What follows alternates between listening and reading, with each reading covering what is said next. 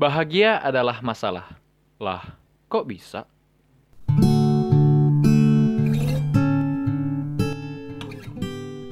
Hai, balik lagi sama gua Habib. Semoga kalian dalam kondisi yang baik ya.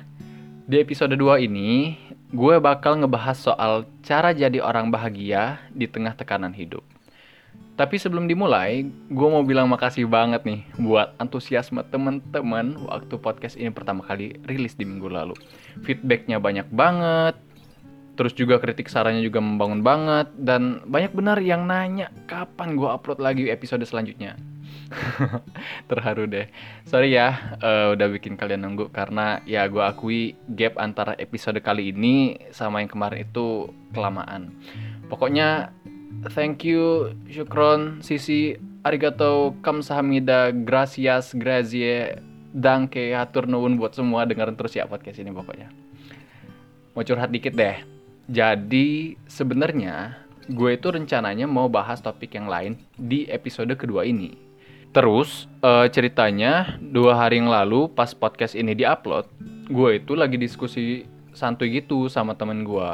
Terus uh, pas lagi coba ngebahas tentang apa sih definisi bahagia, gue tuh tiba-tiba keinget sama buku kakak gue dan tertarik untuk uh, coba aja gitu ngebahas soal ini dulu untuk di episode kali ini.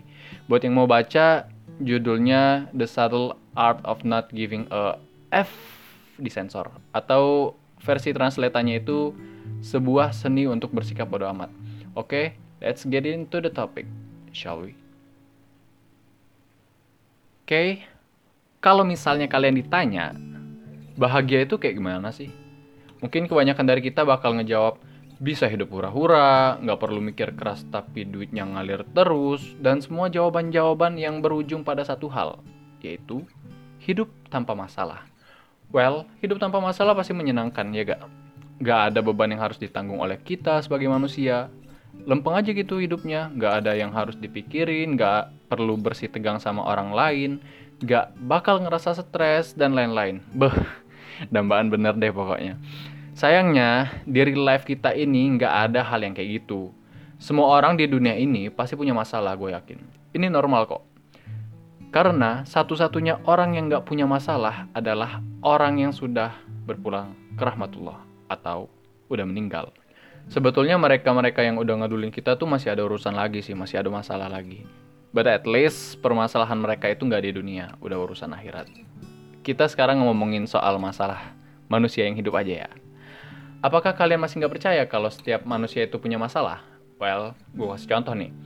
Pengusaha sukses itu punya permasalahannya sendiri, yaitu bagaimana caranya untuk mempertahankan bisnis mereka supaya bisa hidup di tengah gempuran persaingan di era globalisasi ini.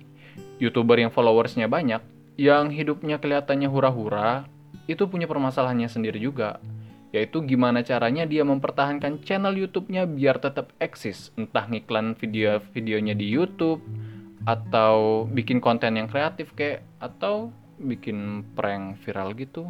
Kayak ngasih kardus misi sampah contohnya. No offense ya. Ya makin ke sini kita harus sadar teman-teman bahwa masalah hidup adalah suatu hal yang tidak terelakkan dari hidup kita. Dan kita harus belajar untuk berhenti menolaknya. Brother and sister sekalian jangan pesimis dulu. Justru masalah bisa ngebawa kebahagiaan loh untuk seseorang. Lah kok bisa? Gue kasih contoh nih ya. Pernah nggak sih kalian punya temen yang hobinya ngambis atau belajar terus dan mereka nggak pernah ngeluh, bahkan menghayati kegiatan para ambisan mereka. Sedangkan kita, uh, contohnya gue deh, kan siapa tahu kalian yang dengerin podcast ini ada yang hobi ngambis gitu kan. ya contohnya gue deh, gue yang kalau belajar itu nggak ada tuh menghayati menghayatinya. Adanya pengen cepet ngerti, cepet kelar, terus cepet tidur Ya, masalah gue dan teman ambis kita ini sebenarnya sama. Sama-sama harus belajar biar ngerti sama materi dari suatu mata kuliah atau mata pelajaran. Cuma yang membedakan gue sama dia adalah the way we deal with the problem. Gue nggak suka ngejalanin proses belajarnya dan nggak mencoba untuk menyukai prosesnya. Aduh rahasia nih. berubah, berubah, berubah. Sedangkan dia, si teman ambis kita ini, dia tahu kalau ini ini sesuatu yang unpleasant. Tapi dia mau mencoba untuk menyukai prosesnya. Gue yakin dia nggak langsung serta-merta bisa jadi pribadi yang cinta belajar. Mungkin awal-awal dia ngerasa berat juga kayak gue. Tapi pada akhirnya, he can deal with his problem dengan cara yang baik. Intinya adalah, belajarlah untuk berdamai dengan masalahmu. God, siapa yang nggak mau jadi orang kayak gini? Dan kalian pernah nggak sih ngerasa bahagia banget ketika kalian akhirnya bisa menyelesaikan suatu masalah? Kayak misalnya nih, ketika pada akhirnya kalian bisa berdamai sama temen kalian yang kemarin-kemarin sempat slack atau nggak setegoran, wih, lega banget ya. Nah ini nih, kuncinya adalah selesaikan masalah yang ada.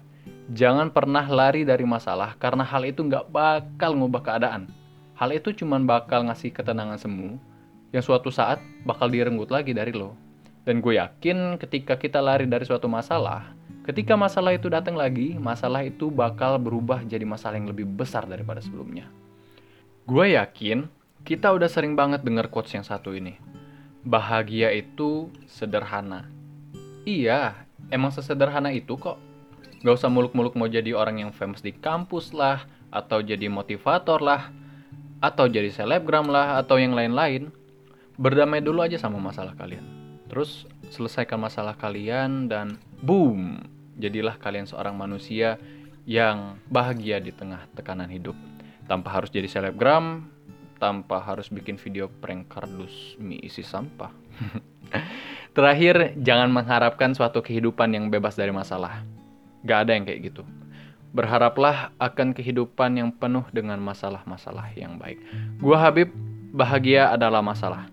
Peace out.